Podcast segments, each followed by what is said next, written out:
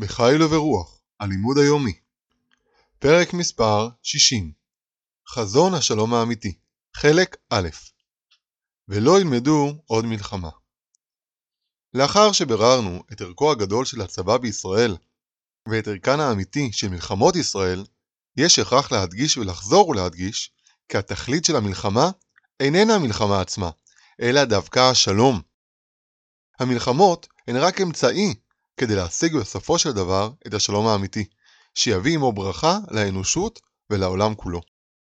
אך איך ייתכן שדווקא מלחמות הן שיובילו לשלום, ולא סתם לשלום, אלא לשלום עולמים?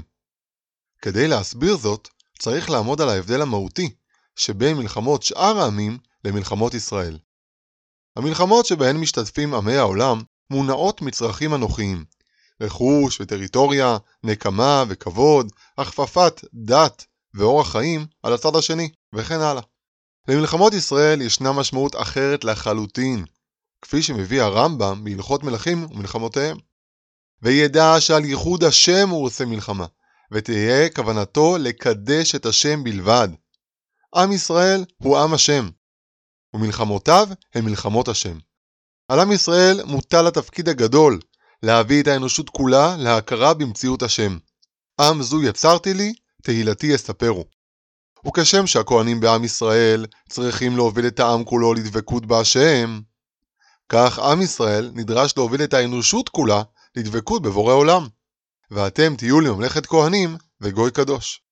מכיוון שכך, למלחמותיהם של ישראל יש השפעה ישירה על הופעת השם בעיני הבריות. כשעם ישראל מנצח, מתקדש שם השם. וחלילה, כשעם ישראל מובס, מתחלל שם שמיים. כך יוצא שדווקא המלחמות הן היכולות לסלול את הדרך לשלום העולמי, שאליו נשואות עיני העולם כולו. אין הכוונה לשלום מדומה, שמדינות חפצות במלחמה, אך חוששות מתוצאותיה ההרסניות, אלא למציאות של שלום אמת, שאפשרות של מלחמה אינה עולה כלל על הדעת. זהו החזון הישראלי הגדול, הבאת שלום עולמי, של אחווה ורעות בין כל עמי העולם. כדי להגשים חזון זה, נדרשות פעולות רבות, ולעיתים גם מאבקים ומלחמות, אך השאיפה היא תמיד שלום אמת עולמי.